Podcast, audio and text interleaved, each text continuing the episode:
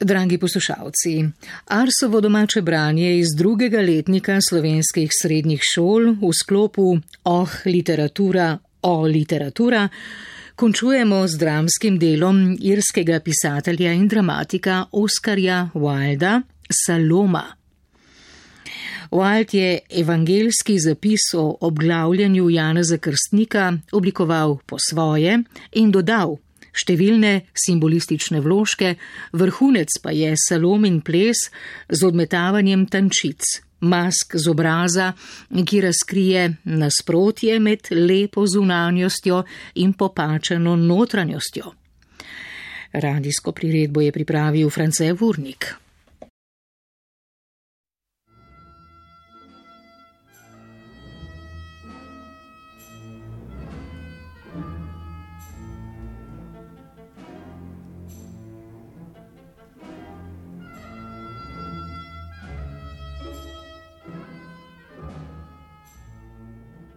Ah. Poljubila sem te na usta, Johanan. Poljubila sem te na usta. Tvoje ustnice so bile trpkega okusa.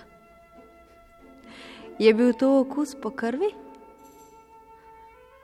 ali okus po ljubezni? Pravijo, da je ljubezen trpkega okusa. A kaj mi mar? Kaj mi mar? Poljubila sem te na usta, Johanan. Nagnusna je, ti rečem. Tvoja hči je do kraja nagnusna. In to, kar je storila, je velik zločin. Resnično, storila je zločin nad neznanim Bogom. Z konca tragedije Saloma, irskega pisatelja in dramatika Oskarja Wilda, smo iztrgali dvoje spoznano srednjih likov drame: Salome in Heroda. V teh stavkih sta namreč zajeta osrednja doživljajska in vrednostna odseva vsega dogajanja, kakor ga je zasnoval dramatik simbolist ali bolje dekadent Oskar Wilde v začetku 90-ih let prejšnjega stoletja, natančneje leta 1891 po daljšem obdobju snovanja. Globino in moč strasti, ki jo je dramatik upodobil v liku lepe mladenke Salome, bo z analitičnim pristopom mogoče dognati le z uporabo spoznanj, ki jih je literarna veda združila in uporabila v iztekajočem se stoletju za podoživljanje in doumevanje literarnih umetnin oziroma umetnin nasploh. Enako velja za strast in oblast, ki sta se v Herodu povezali v tragično zmoto. Razlagalci Wildove Salome sklepajo, da se tragedija dogaja nekako leta 28 po Kristusovem rojstvu na dvoru rimskega prokuratorja v Judeji Heroda, znanega potem, da je dal pomoriti novorojence ob Kristusovem rojstvu. To je bil Herod Antipa, ki je vladal kot tetrah ali četrtni oblastnik od četrtega leta pred Kristusom do 39. leta po Kristusu. Dramsko dogajanje ima izhodiščno osnovo v bibličnem sporočilu Nove zaveze in sicer v evangelijih po Marku, Mateju in Luku. Najbolj izčrpno ima to dogajanje popisano Marko, zato bomo za izhodišče vzeli njegov opis. Kralj Herod je slišal o Jezusu, kaj ti njegovo ime je postalo znano. Nekateri so govorili, Janus Krstnik je bil obojen od mrtvih in zato delujejo v njem moči. Drugi pa so govorili, da je Elija. In spet drugi, da je prerok, kakor vsi preroki. Ko je to slišal Herod, je dejal: Janez, ki sem ga dal obglaviti, je bil obojen. Herod sam je poslal po Janeza in ga prijel, ter v ječi uklenil zaradi Herodijade, žene svojega brata Filipa, ker se je z njo oženil. Janez je namreč govoril Herodu: Ne smeš imeti bratove žene. Herodijada ga je sovražila in ga hotela umoriti, a ga ni mogla. Herod pa se je bal Janeza, ker je vedel, da je pravičen in svet mož in ga je ščitil. Kadar ga je slišal, je bil v veliki zadregi, vendar ga je rad poslušal. Prišla pa je priložnost, ko je Herod za svoj rojstni dan priredil gostijo svojim velikašem, častnikom in galilejskim prvakom. Vstopila je Herodijadina hči in zaplesala. Herodu in tem, ki so bili z njim pri mizi, je bila všeč in kralj je rekel deklici: Prosi me, karkoli hočeš, in ti bom dal. Celo prisegel ji je vneto: Karkoli me poprosiš, ti bom dal vse do polovice svojega kraljestva. Šla je ven in dejala svoji materi: Zakaj naj prosim? Ta pa je rekla: Za glavo Janeza Krstnika. Kralj se je zelo užalostil, vendar ji zaradi prisege, ki jo je izrekel v pričo gostov, ni hotel odreči. Tako je poslal porablja in ukazal, naj prinese njegovo glavo. Ta je šel in ga uječi obglavil. Prinesel je na pladnju njegovo glavo in jo dal deklici, deklica pa jo je dala materi. Ko so to slišali Janezovi učenci, so prišli, vzeli njegovo truplo in ga položili v grob. Plesavka, ki je razveseljevala druščino na Herodovem dvoru, pri nobenem od evangelistov nima imena, je samo deklica, Herodijadina hči. Kot Salomo jo je poimenoval šele judovski zgodovinar Jožef Flavi, ki je živel v prvem stoletju po Kristusu, rojen leta 39.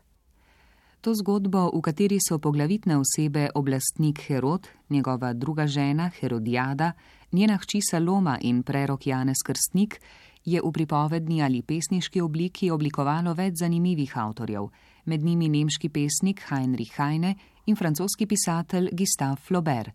Toda najizraziteje v duhu svojega literarnega nazora je to napravil Oscar Wilde. Dogajanje Wildove Salome se začenja na terasi Herodove palače, kjer se zbirajo gostje, med njimi je tudi mladi Sirijec, ki občuduje princeso Salomo, Herodijadin paš pa sluti nesrečo. Vmes se občasno zasliši glas preroka Johanana, ki ga ima Herod zaprtega v vodnjaku. Nekateri gostje, med njimi Kapadočan, bi si ga želeli videti, prav tako princesa Saloma, vendar stražari zaradi Herodove prepovedi nikogar ne spustijo k njemu oziroma ne odprejo pokrova vodnjaka. Johanan pa ustraja pri svojih obtožbah. Kje je tisti, ki je napolnil čašo gnusobe do vrha? Kje je tisti, ki bo nekega dne umrl pred vsem ljudstvom v srebrni halji? Recite mu naj pride, da bo slišal glas, ki je kričal v puščavah in palačah kraljev. O kom govori? Nikoli ne vemo, princesa. Kje je tista, ki je strmečil stenske podobe moških, upisane podobe moških iz Kaldeje prepustila po želenju oči in poslala v Kaldejo od poslance? O moji materi govori. O, o ne, princesa. Pač, o moji materi govori. Kje je tista, ki se je dajala stotnikom Asirije, ki nosijo krokledi pasove z meči in si krasijo glave s pisanimi venci? Kje je tista, ki se je dajala visokoraslim mladim egipčanom, oblečenim v platno s hiacinti, ščiti iz zlata in čeladami iz srebra? Recite ji, naj ustane svoje pregrešne in krvosramne postelje, da bo slišala besede tistega, ki utira pod gospodu, naj se pokesa svojih grehov. In če tudi se ne bo nikoli pokesala, zakrknjena v svoji grehoti, recite ji, naj pride, zakaj gospod ima svoj bič v rokah. Oh, strašen je, strašen je. Nikar ne ostanite tu, princesa, prosim vas. Oh, najstrašnejše na njem so oči. Zdaj se kakor črne jame. Črne jame v preprogi iz tira, ki so jo izžgale plamenice. Zdaj se kakor črna zmajska brezna črna brezna v Egiptu, kjer imajo zmaji svoje zatočišča.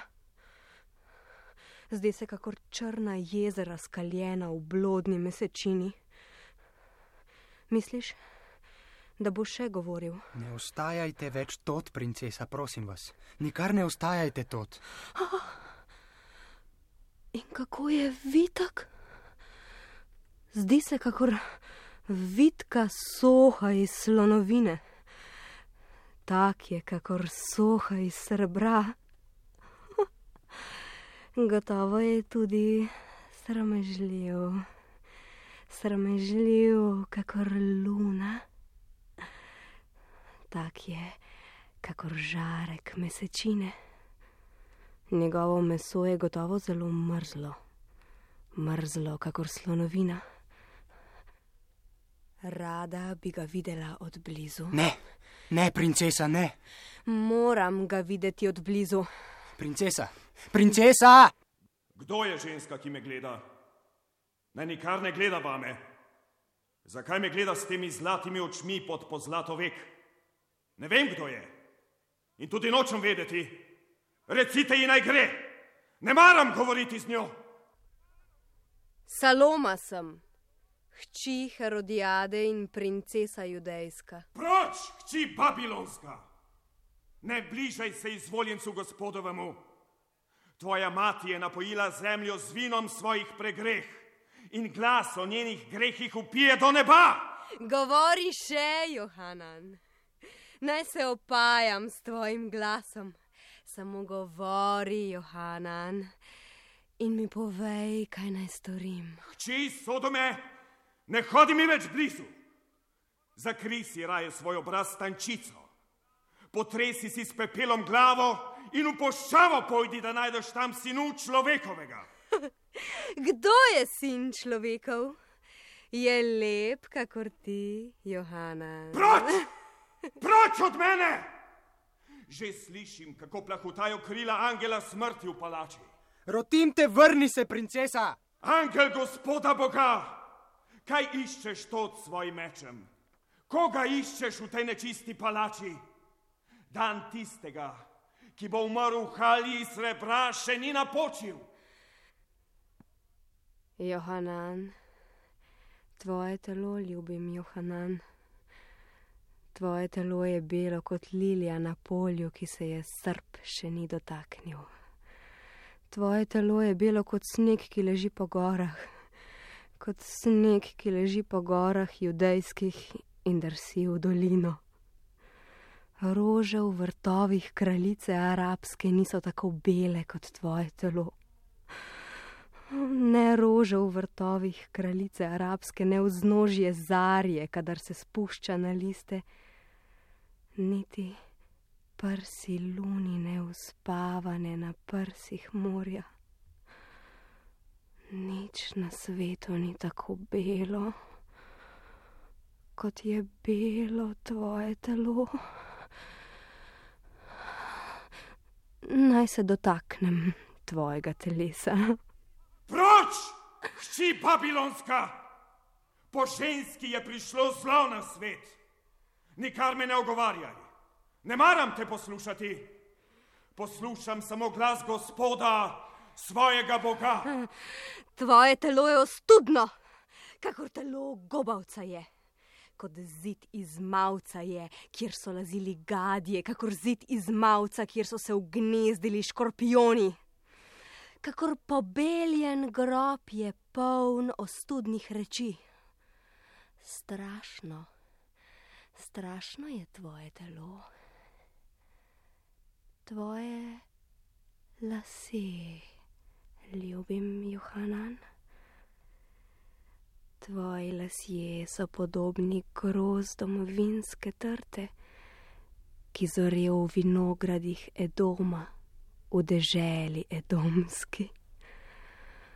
Tvoji lasje so kot cedre libanonske, visoke cedre libanonske, ki dajo senčno zavetje levom, kadar se hočejo skriti pred dnem.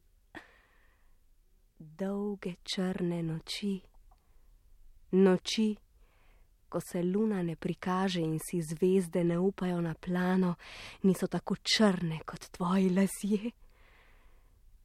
Tišina, ki biva v gozdovih, ni tako črna. Nič na svetu ni tako črno, kot so črni tvoji lasje. Naj se dotaknem tvojih las. Proč, hči Sodome, ne dotikaj se me, ne skruni templja gospoda, mojega Boga. Tvoji lasje so strašni, sršeči so od starjenega blata in prahu. Kakor trnova krona so, ki so ti jo posadili na čelo, kot voze v črnih kač so, ki se ti zvijajo okrog vratu, ne maram tvojih las. Tvoja usta, ljubim Johanan. Tvoja usta so kot škrlatni pas na slonokoščenem stolpu kot granatno jabolko so, prerezano slonokoščenim nožem, granatno cvetje cvetoče v vrtovih tira. In bolj rdeče od vrtnic ni tako rdeče. Rdeči zvoki tromb, ki znanijo prihode kraljev in ulivajo trepet sovražnikom, niso tako rdeči bolj rdeča so kot noge tistih, ki tlačijo vino v stiskalnicah. Tvoja usta so kakor koralna veja, ki so jo našli ribiči v somraku mori in jo prihranili za kralje. Kakor cinobr so, ki so ga moabiti našli v moabskem rudniku, in ga imajo samo kralji. Kot lok perzijskega kralja so, ki je poslikan z bagrom in obložen s koralami. Nič na svetu ni tako rdeče, kot so rdeča tvoja usta. Naj jih poljubim, tvoja usta. Nikdar, hči Babilonska, hči Sodome, nikdar. Poljubila bom tvoja usta, Johanan. Poljubila te bom na usta. Princesa, princesa, ti Mirto, gaj ti golobica vseh golobic, ne glej več tega človeka, ne glej ga. Ne govorim o teh reči, ne morem jih poslušati. Princesa, princesa, ne govorim več teh reči. Poljubila te bom na usta, Johanan.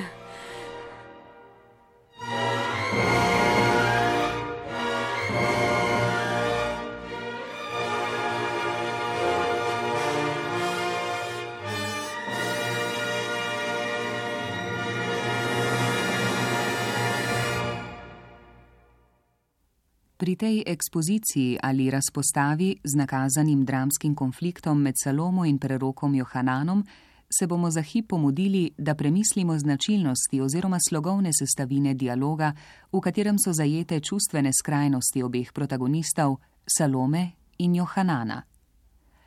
Simbolika primerjav, ki jih Saloma uporablja za izraz svoje čutnosti, so skrajnostne in označene s tremi, vsekakor kraljevskimi, vzvišenimi barvami, belo, črno in rdečo. Johanan pa pri svojem odklanjanju uporablja biblično simboliko stare zaveze razvratnih mest, ko Salomo označuje kot hčir Sodome in Babilona. V izrazu se kaže Waldov slog v Salomi kot že kar nabrekel simbolizem, s ponavljanji v čustvovanju, ki ga izražata tako Saloma svojo slo, kot Johanan svojo opominjajočo askezo, pa kot dekadentno, pretirano, skrajno subjektivno čustvo. Mladi Sirijec, ki občuduje princeso Salomo in jo roti naj se vrne k Herodovi družbi v palačo, spričo Salomine ustrajnosti do Johanana naredi samomor. Tudi to dejanje ima simboličen pomen, kakor da napoveduje druge žrtve, ki jih je zaslutil tudi Johanan kot prerok, vendar s poznanjem, da ura obračuna za največjega grešnika Heroda še ni prišla. Herod, ki je bil že na začetku poslal po Salomo, se s spremstvom pojavi na terasi, čeprav to nikoli ni bilo zano navadi. Želi nam reč, da bi mu Saloma zaplesala, čemur pa se njena mati in sedanja Herodova žena Herodijada upira. Herodijada opaža, da njena hči svojo lepoto mami tetrarha. Toda Herod ustraja pri svoji želji.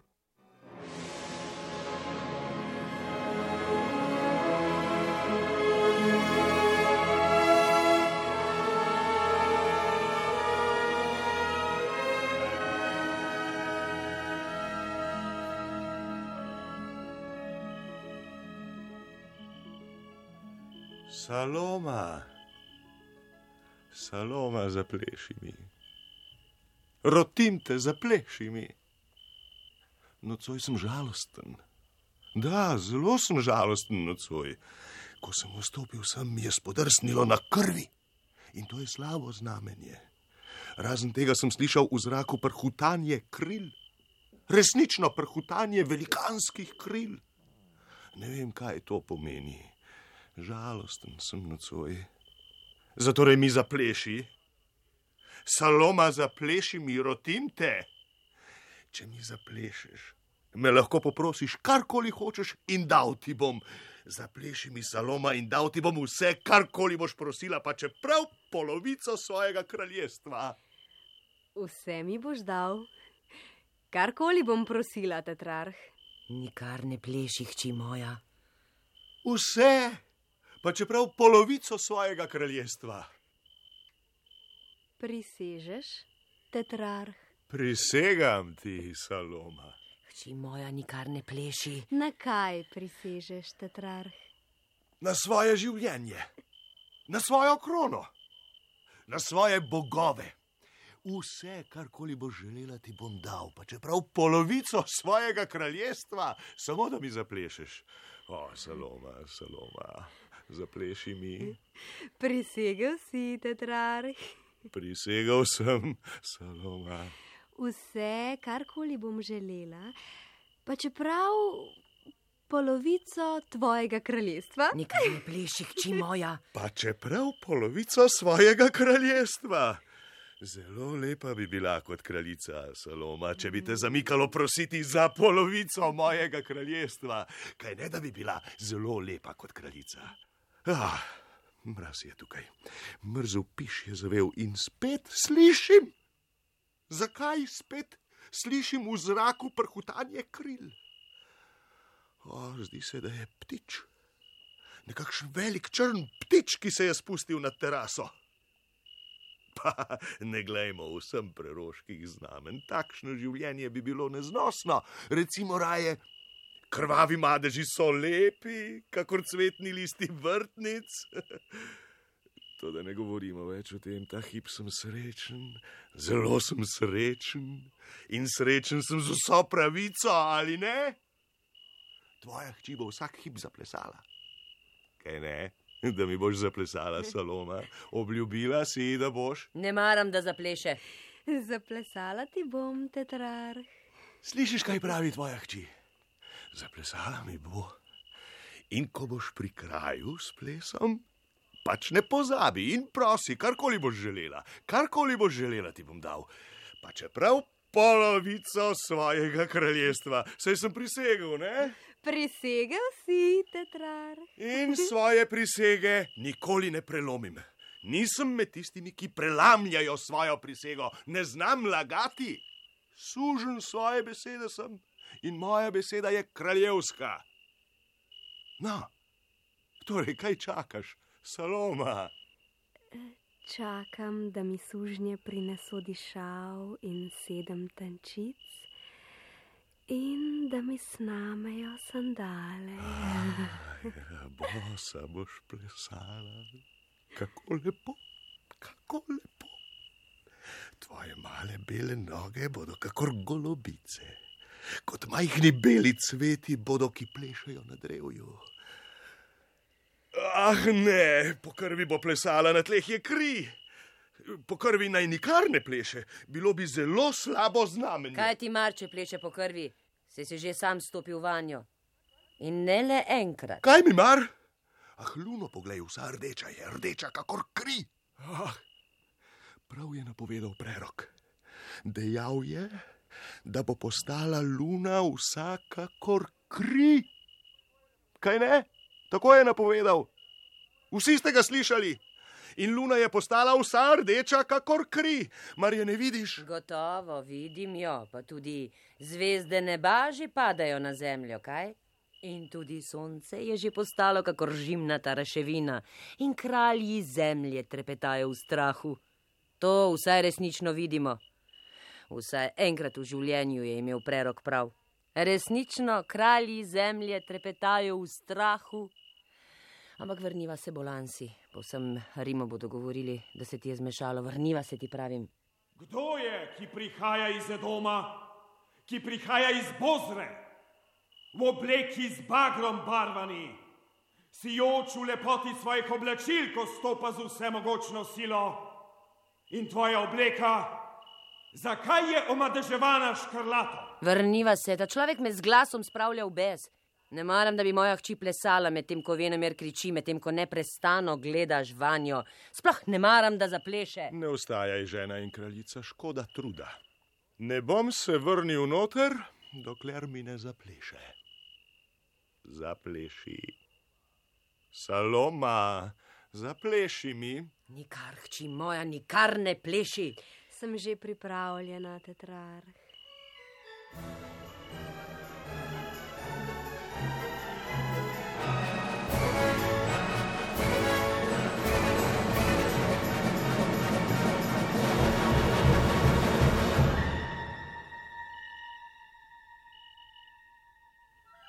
Ah, čudovito, čudovito. Si videla, kako mi je plesala tvoja hči. Stopi bliže, Saloma. Stopi bliže, da ti dam plačilo. A, svoje plesalke zmerom bogato poplačam. Tebe bom poplačal najbolj. Dal ti bom vse, karkoli boš rekla. Kaj želiš? Povej. Uh, želim, da mi takoj prinesejo v srebrni skledi. V srebrni skledi. Seveda v srebrni skledi. Očarljiva je, kaj ne? Kaj naj ti prinesel v srebrni skledi, moja draga? In lepa saloma, ti najlepša izmed vseh hčera judejskih. Kaj naj ti prinesejo v srebrni skledi? Samo reci, karkoli porečeš, tvoje bo. Tvoji so vsi zakladi, kar jih imam. Kaj si želiš, Saloma? Glavo Johanana. A, to si dobro povedala, hči moja. Ne, ne. A, to si pa dobro povedala, hči moja. Ne, ne, Saloma. Se me ne prosiš tega. Ne poslušaj svoje matere. Zmiraj ti daje slabe na svete, nikar je ne poslušaj. Nič ne poslušam matere. Le sebi v veselje prosim glavo Johanana v srebrni skledi. Prisegel si, Herod. Ne pozabi, da si prisegel. Vem, prisegel sem. Na bogove sem prisegel. Dobro vem. To da rotim te saloma. Daj, prosi, kaj drugega. Reci, da hočeš polovico mojega kraljestva in dal ti jo bom. Samo tega ne prosi, kar si rekla prej. Glavo Johanana, prosim. Ne, ne, samo tega ne. Prisegel si, Herod. Zares prisegel si, vsi so te slišali, predvsem si prisegel. Molči, saj ne govorim s teboj. Haha, kako prav ima moja hči, da prosi za glavo Johana, psovke je bljuval zopr mene. Nepopisne strahote je govoril zopr mene, očitno zelo ljubi svojo mater. Nikar mu ne popuščaj, hči moja, prisegel je, prisegel. Molči! Nikar me ne ogovarjaj. Saloma, glej, rotim te, ne bodi trmasta. Ne smemo biti trmasti, kaj ne? Nikoli nisem bil trd s tabo, zmeraj sem te ljubil, morda celo preveč. Zato me ne prosi tega. Strašno, strahotno je, kar prosiš. Pravzaprav mislim, da se šališ. Odsekana človeška glava, to je grda reč, mar veš? To ni pogled za oči device. Kakšno veselje bi imela z njo, nobenega. Ne, ne, se ne želiš tega. Poslušaj, kaj ti pravim. Imam smaragd, okrogov velikanski, ki mi ga je dal Cezarjev ljubljenec. In če pogledaš skozi, uzreš stvari, ki se dogajajo neizmerno daleč. Sam Cezar nosi takšnega, kadar zahaja v cirkus, tudi moj je večji. Prav gotovo je večji. Moj smaragd je največji na vsem svetu. Samo prosi me in dam ti ga. Glavo Johanana zahtevam. Ne, ne poslušaš me, ne poslušaš. Poslušaj, vendar kaj ti pravim, Saloma. Glavo Johanana. Ne, ne, sej ti ni do tega. Tako govoriš le, da me mučiš, ker sem te gledal v večer. Ne tajim, v večer sem te gledal. Tvoja lepota me je zmedla. Tvoja lepota me je strahotno zmedla in vse preveč sem te gledal. Tudi odslej te ne bom več. Ni prav, če gledamo stvari in ljudi naravnost. Gledati jih moramo samo v zrcalih, v zrcalih, ker nam kažejo le njihove odseve. Oh, prinesite vina, že en sem. Saloma, Saloma, bodiva prijatelja, na vse zadnje, glej. Ah, kaj sem hotel reči? Kaj sem hotel? Aha, že vem, Saloma, stopi bliže k meni. Bojim se, da me slabo slišiš. Saloma, saj poznaš moje bele pave. Moje lepe bele pave, ki se sprehajajo po vrtu med mirtami in slokimi cipresami. Tako čudovitih ptičev ni nikjer na svetu. Dal ti bom vse svoje pave. Imam jih samo sto. In noben kralj na svetu nima pavov, kakršni so moji. Toda vseh sto pavov ti bom dal. Samo razveži me prisege in ne prosi več, kar si prosila prej. Daj mi glavo Johanana. Dobro povedano, hči moja, ti pa ne bodi smešen s temi pavi. Kaj venomer vreščiš, kot ujeda vreščiš? Nehaj vreščati. Saloma, samo pomisli, v kaj se spuščaš. Ta mož ne mara res prihaja od Boga. Svet mož je. Prst Božji se ga je dotaknil. Strahote, ki jih govori, mu polaga Bog na jezik in Bog je venomer pri njem in mu stoji ob strani. Vsaj možno je, da je ob njem. In če mož zdaj umre, je tudi možno, da bo prišla nesreča tudi nad me. Vsaj rekel je, da bo prišla nesreča nad nekoga tisti dan, ko bo umrl. In nad koga naj pač pride, če ne nad me. Saloma. Sej nočeš, da bi prišla nesreča nad me, kaj ne, da nočeš. Zato poslušaj, kar ti pravim. Daj mi glavo Johanana. Oh, ja, vidiš, ne poslušaš me. Tudi pomiri se. Jaz sem zelo miren, docela miren sem. Poslušaj me. Todle sem skril dragulje, za katere ne ve niti tvoja mati dragulje, ki so čisto nenavadni. Imam ogrlico iz štirih pisarnih nizov, neka daljna kraljica jo je nosila. Imam eh, dve vrsti ametistov, safirje imam. Dal ti bom vse, kar je moje, le enega življenja ne. Dal ti bom pregrinjalo z najsvetejšim v templju. Daj mi glavo Johanana naj dobi, kar zahteva. Resnično, prava hči svoje matere je. O, zdaj zagotovo vem, da bo prišla nesreča nad nekoga. O, kaj sem storil s tem, ko sem prisegel? Moja hči je ravnala prav, krvnik je že pri Johananu. Gotovo bo prišla nesreča.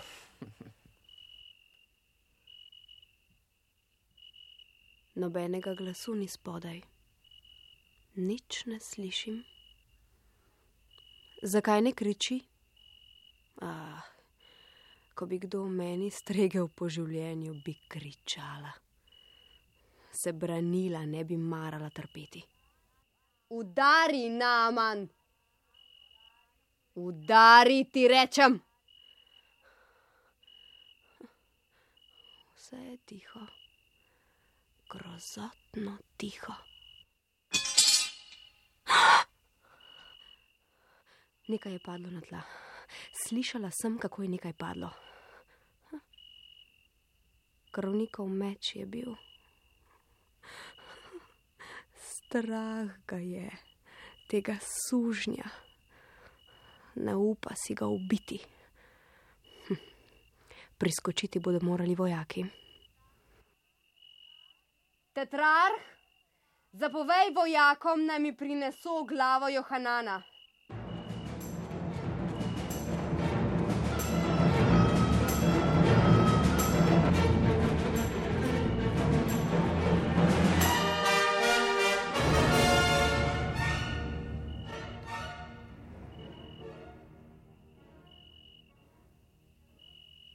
Nisi maral, da bi te poljubila na usta, Johanan. Prav. Torej te bom poljubila zdaj. S svojimi zobmi bom ugriznila vanje, kakor vzrev sadež. Da, Johanan, na usta te bom poljubila. Te nisem rekla, da te bom. Rekla sem ti. Ah, in zdaj te bom poljubila. Toda zakaj me nič ne pogledaš, Johanan? Tvoje oči, ki so bile tako strašne, tako polne gneva in prezira, so zdaj zaprte. Te je strah pred mano, Johanan, da me ne pogledaš. In tvoj jezik ki je bil kot rdeča strupeno sikajoča kača, se nič več ne giblje, še črhne ne, Johanan. Ta rdeči gad, ki je bljuval v vame sikajoči strup. Oh. Zakaj me nisi nikoli pogledal, Johanan? Gledal si svojega Boga, Johanan. Ampak mene? Mene nisi videl nikoli. Ko bi me kdaj videl, bi me ljubil. Jaz pa sem te videla, Johanan, in sem te ljubila, še zmeraj te ljubim. Žejna sem tvoje lepote, lačna sem tvojega telesa. Ne reke ne hudourniki ne morejo pogasiti moje strasti. Princesa sem bila in prezrl si me. Plaha in sramežljiva sem bila in ti si nalil v moje žile ognja. Oh, zakaj me nisi pogledal, Johanan? Ko bi me bil pogledal, bi me ljubil, dobro vem, da bi me ljubil. In skrivnost ljubezni je večja od skrivnosti smrti. To, kar moramo gledati, je ljubezen. Nagnusna je, ti rečem, tvoja hči je do kraja nagnusna. In to, kar je storila, je velik zločin. Resnično storila je zločin nad neznanim Bogom. Ne maram več gledati teh reči, ne maram, da me te reči gledajo. Ugasnite plavenice, skrijte luna, skrijte zvezde. Skriva se v najno palačo, Herodijada, strah se me loteva.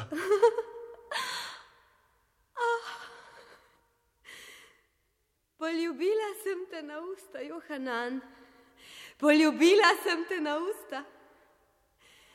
Tvoje ustnice so bile trpkega okusa. Je bil to okus po krvi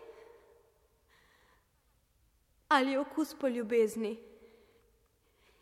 Pravijo, da je ljubezen trpkega okusa. Ubite to žensko!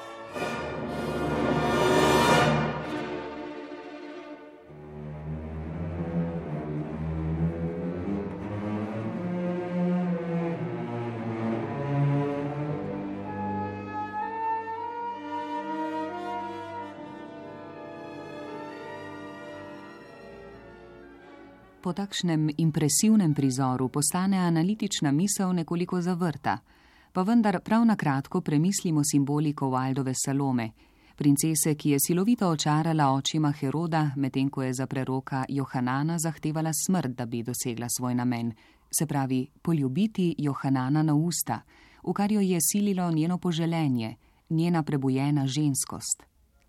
Seveda pa je za vsem tem dramatikova bolečina spričo tolikšne človeške pokvarjenosti, kakršna se je razpasla na Herodovem dvoru, hkrati pa seveda avtorjevo uživanje nad silovitimi čustvenimi vzgibi, ki so povzročili tragičen izid tako za preroka, kot za povzročiteljico njegove smrti. Tragedija Saloma Oskarja Wilda potem takem odpira cel niz vprašanj in tem za razmislek o etičnih vprašanjih vladanja in medčloveških odnosov, o božjih in človeških rečeh, o usojenosti in človekovi nemoči, da ji ubeži, in seveda ne nazadnje o slogu govora v drami, ki je nasičena s pesniškimi figurami, simboli in primirami. Skratka, o drami, ki se s temo in njeno ponazoritvijo dviga nad vsakdanjosti časov, iz katerih je zajemala in iz katerih je nastala. Postala je mit. Mit o še vedno nedoumljivi ženski čudi in vladarju, ki je bil za svojo nalogo prešibak. Oziroma slep pred usodo, kakor se to pač v življenju dogaja.